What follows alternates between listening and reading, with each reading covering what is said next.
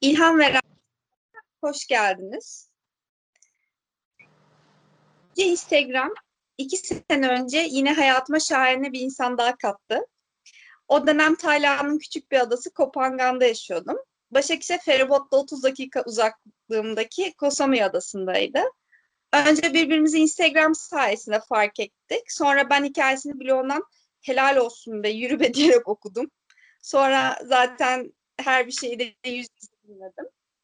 Ee, bu kısmından sonrasını mikrofonu sana bırakıyorum Başak'cığım. Hoş geldin. Hoş bulduk Bengiciğim. Sağ olasın beni layık gördüğün için ilham veren kadınlara. demek canım layık görmek de ne demek. Ki Başak e, Tayland'a oğlunla birlikte yerleştin. E, bunu bu süreç nasıl oldu? Seni buna ne itti ve e, neden Tayland?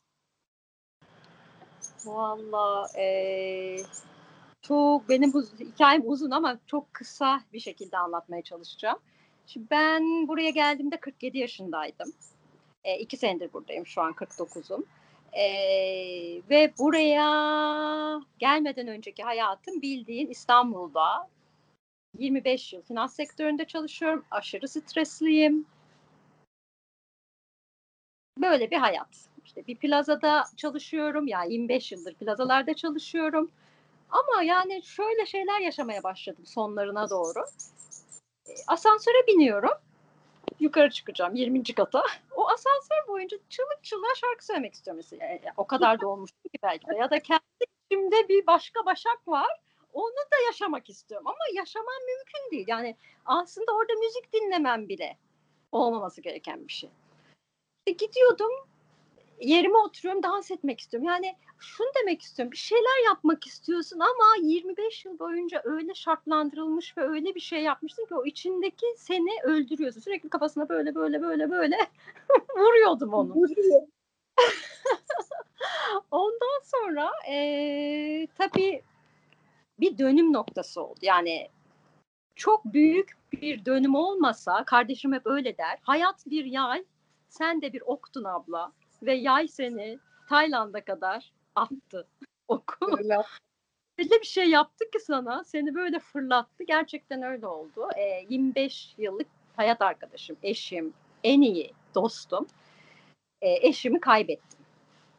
E, kanser oldu ve bir sene içinde de vefat etti. O bir sene içinde de çok zor bir süreç geçirdik. E, ve gözümün önünde yani ölümün nasıl bir şey olduğunu burnumun ucunda hissettim.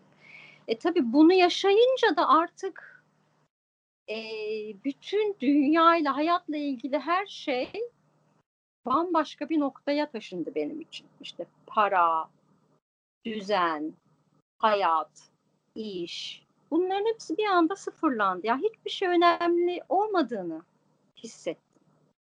Yaşa dedim ya, akışına. Mesela ben çok planlardım. Birinci ayın Ocak ayında Haziran, çünkü öyleydi iş hayatında. Ocak ayı gelir, Temmuz ve Ağustos izinlerini planlayacaksın. Daha düşün. Biletlerini alacaksın. Yani böyle bir hayat yaşarken ve ben eşimle de biz bunları planlamıştık. İşte Mayıs'ta şuraya gideriz, Temmuz'da buraya gideriz. Yok dedim bak. Yok Temmuz yok belki. Ekim de yok. Bırak dedim. Sal gitsin. Artık yarının yok. Öyle yaşayacaksın. Ve tabii bu sürece geçtikten sonra iki sene daha çalıştım ama nasıl çalıştım işte. O bir... çok o içimdeki daha da bir e, dışarı çıkmak istedi o iki sene boyunca. Her neyse iş hayatım da bitti. Sonra baktım iş hayatım bitti. Eşimi kaybettim. Çocuğum var. Çocuğumun okuması için elimden gelen en iyisini yapmak istiyorum ama şartlar zorlaşıyor madden. Ee, ne yapayım dedim ya. ya madden zorlanıyorum. E, çocuğu İmam Hatip'e yollamak istemiyorum. Çünkü gidişat ona gidiyor yani ülkede. Sonra bir gece yatıyordum. Gece 12 falandı. Bir anda ya dedim dünya dedim buradan ibaret değil. Şu yaşadığın Uskumköy'de yaşıyordum. Köy gibi bir yer. Yani köyde yaşıyordum. Buradan ibaret değil dedim. Dünya var. Ve aç gözün dedim. Aç git dedim internete bak ve yer bul kendine. Gidecek bir yer bul. Ee, şartlar belli. Okul olacak. Ege'nin gidebileceği. Ben de yoga yapmayı seviyorum. Bir de kite yapmayı seviyorum. Geçinebileceğimiz, ben e, bu sevdiğim şeyleri de yapabileceğim bir yer bul dedim. Gece 12'de açtım bilgisayarı, yazdım. Kite, yoga, school. Böyle.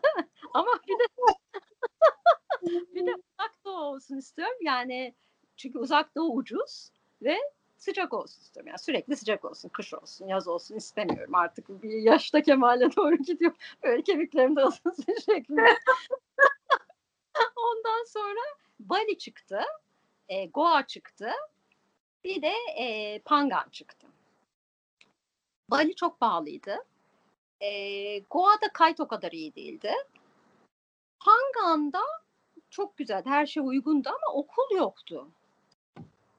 Dedim Pangan'a yakın başka bir yere gideyim o zaman. Samui. Dedim yarım saat. Tamam dedim. Samui'ye giderim. Pangan'a da giderim. Gider gelirim yani. Ne olacak Samui, Pangan, ada ada. Dolayısıyla bir de Tayland'ı da seviyorum. Daha önce de gelmiştim 15 yıl önce. Yani kafasını, insanlarını, yaşam tarzını, hayatın akışını sevdiğim bir ülkeydi. Tamam dedim. Gidiyorum. Sonra arkadaşlarıma dedim ben gidiyorum. Aileme dedim ben gidiyorum. Ailem çok destekledi. Arkadaşlarım sen dedi delirdin iyicene kafayı yedin. Ondan sonra. Neden? Neden? Ben şeyi çok merak ediyorum. Yani yeni bir şeye başladığın zaman çevren sana delirmiş gözüyle bakıyor ya da yapamazsın gözüyle bakıyor. O herhalde eee, o frekansa girmedikleri için daha. Ben de belki beş sene önce bir- biri yapsa onu derdim. Ama benim halimde, benim şartlarımda bu bana o kadar normal geliyordu ki. Yani ben gitmeyeyim de ne yapayım? Çünkü her şeyi orada çok daha güzel yapacağım. Daha yani gitmemek delirmek aslında benim için. Burada mücadele edeceğim. Sürekli tırmalayacağım burada kalarak. Dediler ki en azından bir git gör nereye gidiyorsun. Yok dedim ya eğer gider görürsem bu bir bozulabilir. Ben karar verdim. Gideceğim ve yaşayacağım orada. Eşyalarımı sattım. Verdim. iki tane bavula düştük. İki bavulla iki sene önce buraya geldik. İnanılmaz ya gerçekten. Benim için tebrik yani gerçekten tebrik edilesi bir hikaye. Yani cesaretim ve hani ne bileyim ben hiçbir şey bilmek istemiyorum. Bir bildiğim tek şey oraya taşınmak istemem ve ben gidiyorum demen gerçekten büyük cesurluk. Belki de e, dedim ya e, evrene bırakmak, akışa bırakmak. Buraya gelirken hiçbir şey ayağıma takılmadı. Ve orada hissettim. Bir de ben bir rüya görmüştüm. O çok enteresandır. Yani bunu da hep anlatırım herkese. Sana anlattım mı bilmiyorum. Evet anlattın. Evet. Ee, babamla flip floplarımızı giymiş tropikal bir adada güneş batırıyoruz. Düşün. Kel alaka rüyadayım ve orada bile kel alaka diyorum yani. Güneş batıyor. Babama da diyorum ki baba güneş batıyor. Orada hissettim yani eşimin vefat edeceğini ötekisi gün yani o geldi. Ama öteki şeyi hissetmedim. Yani o rüyadaki başka e, doneleri almamışım. Babam da dedi ki o güneş tekrar doğacak. Üzülme dedi. Doğru güneş tekrar doğacak ve bir adadayız. Tropikal bir adadayız. Ve o görüntüyü iki sene sonra işte burada Pangan'da aynen aynı şekilde babamla yaşadım. Buraya geldi. Ve dedim ki aslında bana evren, ya bu bir cesaret değil, bu bir şey, bu bir akıştı. Beni buraya üfledi. Ben ben öyle düşünüyorum. Evet. Buradayım. Benim yolum burasıymış. Ki hiçbir şey ayağıma takılmadı. Her şey olması gerektiği gibi oldu. E, Gökben'le e, çok hoşuma gitti yaptığın. Çok güzeldi o ilk e, röportaj. O demişti ki dilediğimin gelmesi, dilediğim geliyor demişti Gökben. O çok güzel bir şey. Çünkü o kadar kendini akışa bırakıyorsun ki o dilediğin de geliyor artık. Yani o çok değişik bir frekansa geçiyorsun aslında orada. Evet. Yaşayan Evet. anlar insan bilir. Şimdi burada ne kadar en desek de uçmuş bunlar da diyen olabilir. Muhtemelen ya ne anlatıyor bu değişikler ya deyip evren evren akış makış Allah Allah deyip kapatıyorlar. O şey de çok hoşuma gitti. Akış işte. Hani Gökben dedi ya buraya gidecektik. Olmadı oraya gittik. Ya işte bu. Çünkü orada hayır var. Orada bir şey var seni bekleyen. O yüzden oraya gittin aslında. Sen kendini bıraktığın zaman o sana bolluğu, bereketi, güzelliği, şansı onlar getiriyor zaten. Ama sen mücadele ediyorsun, ediyorsun, ediyorsun, bakıyorsun sonunda gene elinde hiçbir şey kalmamış. Aynı zaman geçmiş ama 10 yıl kaybetmişsin mesela. Böyle düşünüyorum. Yaşlanmışsın. Aynen. Kesinlikle öyle. Yani bu gibi bunu yaşayamayan insan yaşayabilmesini diliyorum gerçekten ve o gezdiğim dört yıl boyunca Gökben'in de dediği gibi her şey o dilediğim kalbime düşürdüğüm, aklımdan geçirdiğim her şeyi çok güzel bir şekilde yaşadım. Ee, umarım o frekansı yakalayıp umarım hayatlarını bu şekilde insanlar yaşama şansı bulur.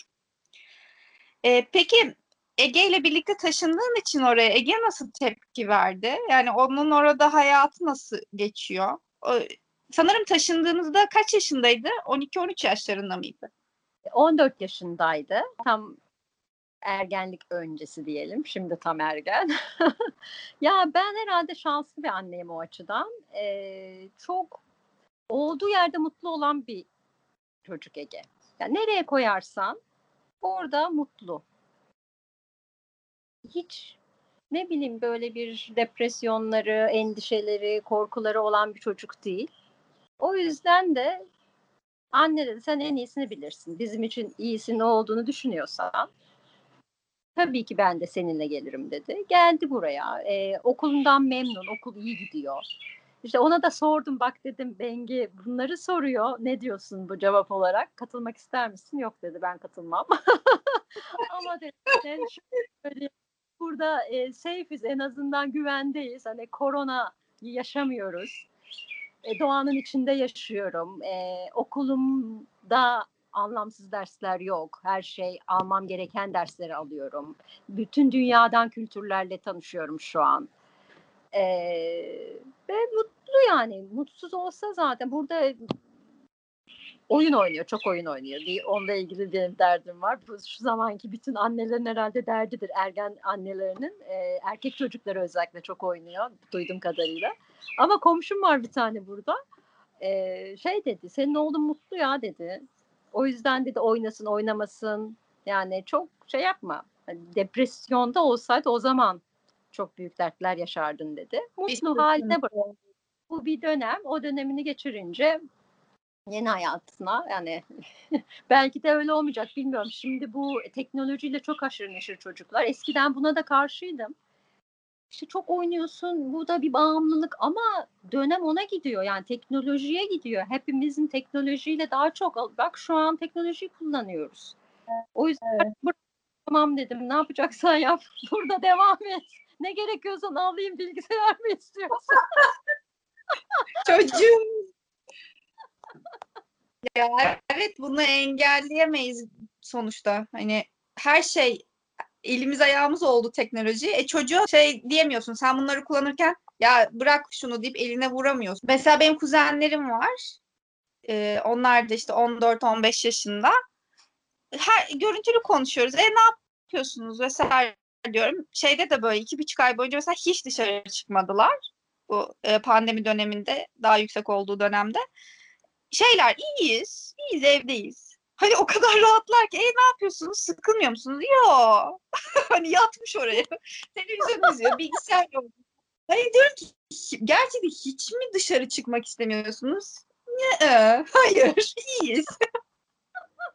Aa, ya böyleler çok enteresan. Biz kurdeşen döktü yani benim yaşımdaki insanlar kafayı yediler. Onlar da tam tersi okul açılmasa, dışarı çıkılmasa şeklindeler yani.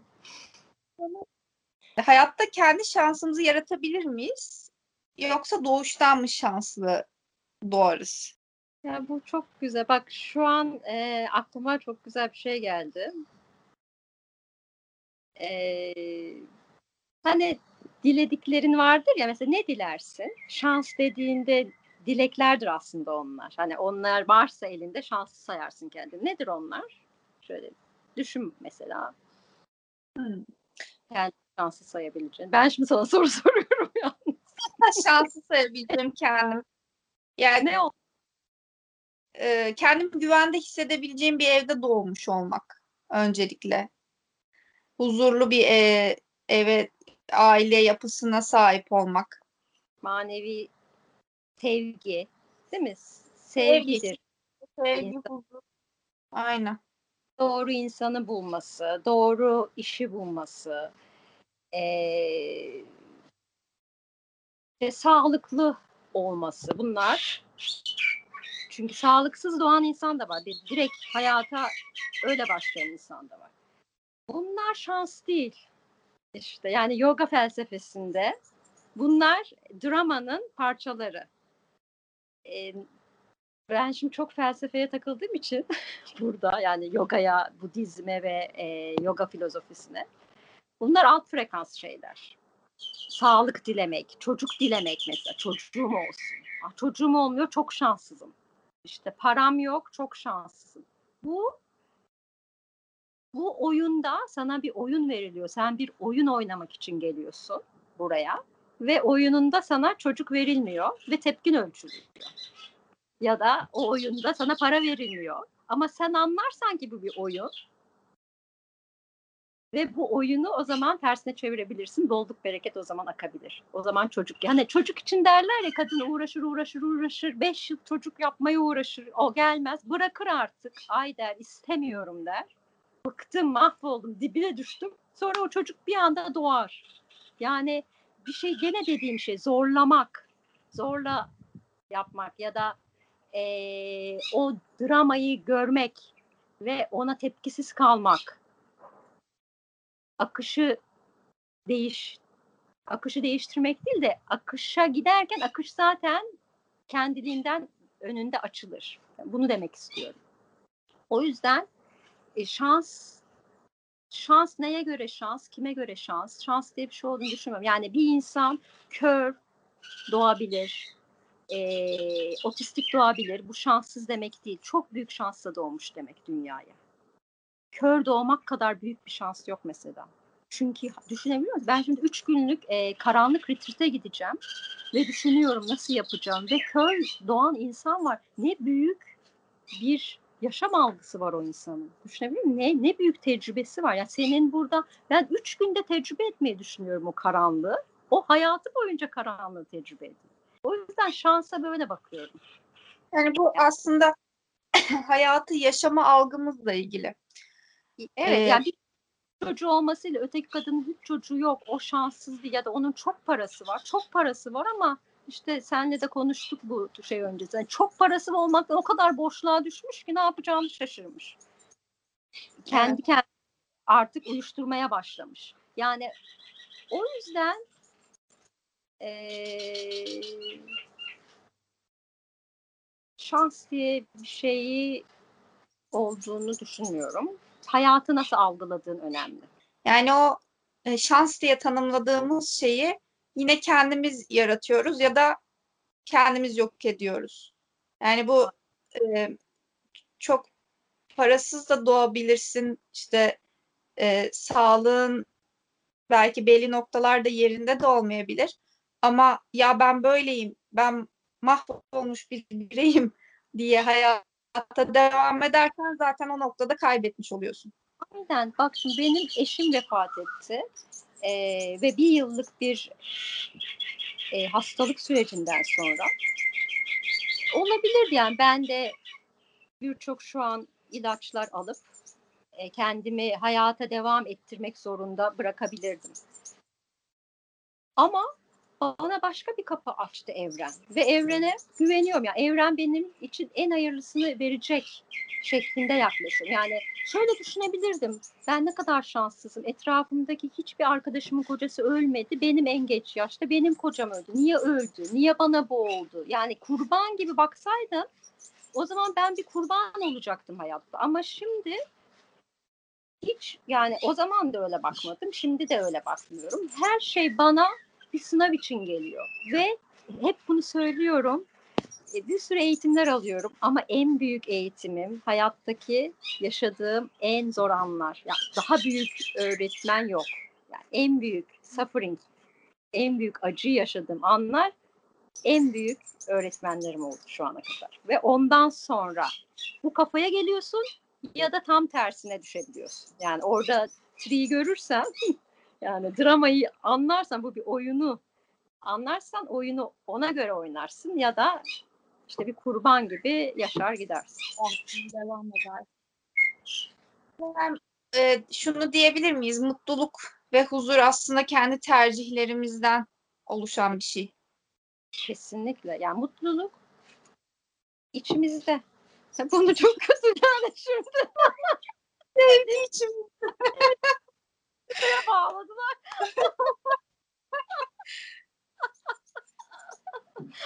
Ama bununla ilgili de bir anım var. Onu da anlatmak istiyorum Anlat. lütfen. Çok Ha. büyük bir şeydir ya. Bu da ikinci yaşadığım en büyük. Ya böyle iç sesler gelir bana ara ara. Hiç unutmuyorum. Gene 4 Ocak'tı. İşe gidiyorum, yoldayım. Bir ses geldi. Ve ses bana şöyle dedi. Mutluluk hayatından mı, ilişkinden mi gelir? Çünkü ben eşime bağımlıydım. Yani bağımlılıksa o bir bağ. Mesela 3 saat konuşmadığımız hiç olmazdı. Öyle bir dönem yok. Sürekli neredesin, ne yapıyorsun, orada mısın, burada mısın? Böyle bir ilişki. Ee, ilişkinden mi, seni mutlu eden kocan mı yoksa içinden mi geliyor? Ben dedim tamam bir şey geliyor. Bir test geliyor kesin. Çok çok büyük bir test geliyor. İki gün sonra teşhis kondu ve teşhisin konduğu gün dedim ki ben bana bir şey yaşatacak hayat. Ee, bu soru boşuna gelmedi. İşte bir sene sonra vefat etti eşim ve ben soruyu unutmuştum. Sonra eşimin vefatından bir sene sonra soru gene geldi. Dedi cevabı buldun mu? Ha dedim lan ben dedim hiç bunu unuttum.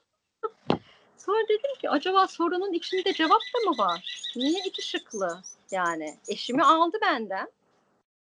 İlk şık bitti. İkinci şık içinde mi? Demek ki içimde bulmam lazım ben bunu. Tek başına mutluluğu bulabilmem lazım. Çünkü başkasına bağladım ben mutluluğumu. İşte en büyük şey de bu. Mutluluğu hep biz dışarıda arıyoruz. İşte ne bileyim bir kedimiz oluyor, kedimizle mutlu oluyoruz. Çocuğumuz oluyor, çocuğumuzla ve onu kaybettiğimizde de mutsuz oluyoruz.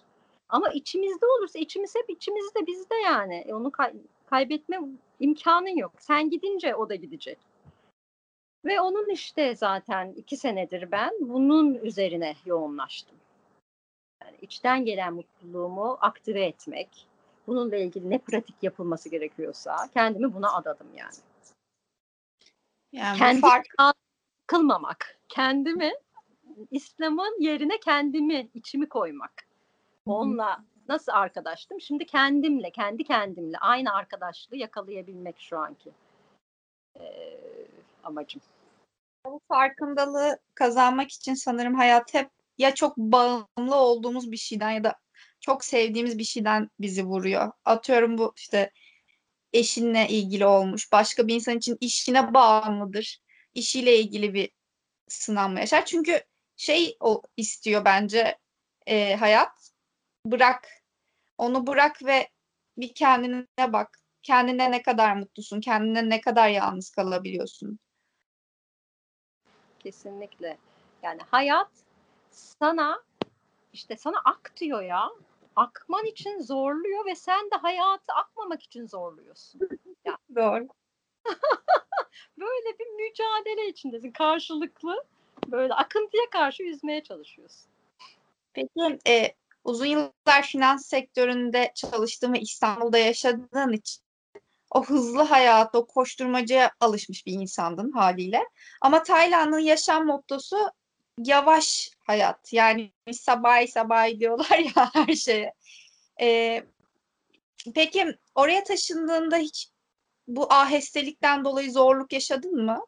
Uyum sağlayamadığın noktalar oldu mu? Bak e, benim bir genel müdürüm olmuştu. 30 yaşında genel müdür olmuş. Demiştim ki ya ne büyük şans. Yani şanstan bahsediyoruz ya nasıl? Demişti ki doğru zamanda, doğru yerde, doğru insanlarla. O, onun şans tanımı buydu. Bence de benim buraya gelme zamanım buydu.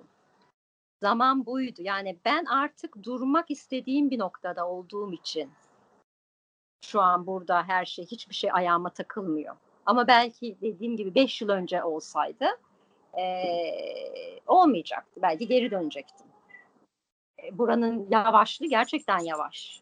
Gerçekten e, bir her gün aynı saatte aynı kuşlar, aynı güneş, aynı gün, aynı mevsim değişikliği yok. E, gün batımı doğumu aynı zamanlarda. Hep bir ya bir tane mesela diyorum ki hastanede bir işim olacak ya da immigration'da bir işim olacak ya da herhangi bir yerde. Biliyorum ki iki saat içinde bitecek iş. Ötekisi güne sarkmayacak ya da bu bu yok bugün git yarın gel bu olmadı. Yani bir stres yaşa değil mi? Yok yani öyle bir şey yok buradaki hayatta. Enteresan bir şekilde ama bu benim şu an aradığım şeydi. O yüzden de sıkıntı yok.